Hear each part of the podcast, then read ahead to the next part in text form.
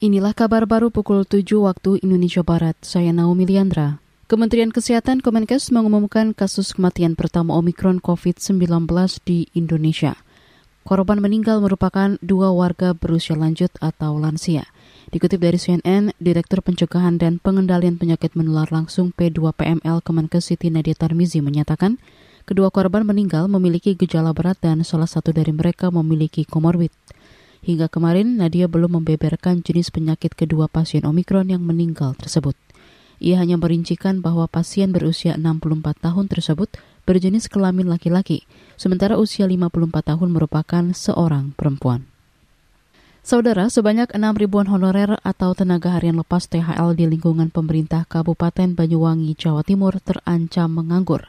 Menurut Kepala Badan Kepegawaian dan Diklat BKD Banyuwangi, Naiful Huda, hal itu imbas rencana penghapusan pegawai honorer atau THL serentak 2023 mendatang.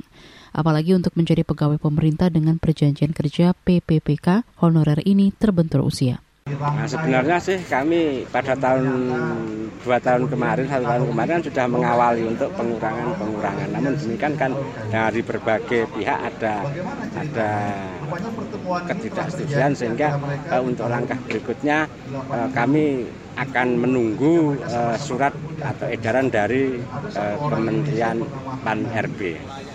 Yang jelas kita harus mengoptimalkan uh, sumber daya yang ada dengan IT, dengan digitalisasi ya.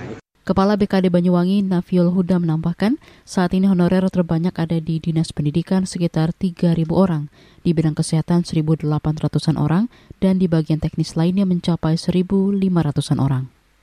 Burkina Faso dan Tunisia menjadi dua tim pertama yang merebut tiket ke perempat final Piala Afrika 2021. Burkina Faso melangkah ke babak selanjutnya usai melewati adegan Gabon di Stadion Limbe, Kamerun kemarin. Burkina Faso lolos usai menang adu penalti secara dramatis. Sementara Tunisia membuat kejutan dengan merebut tiket ke perempat final.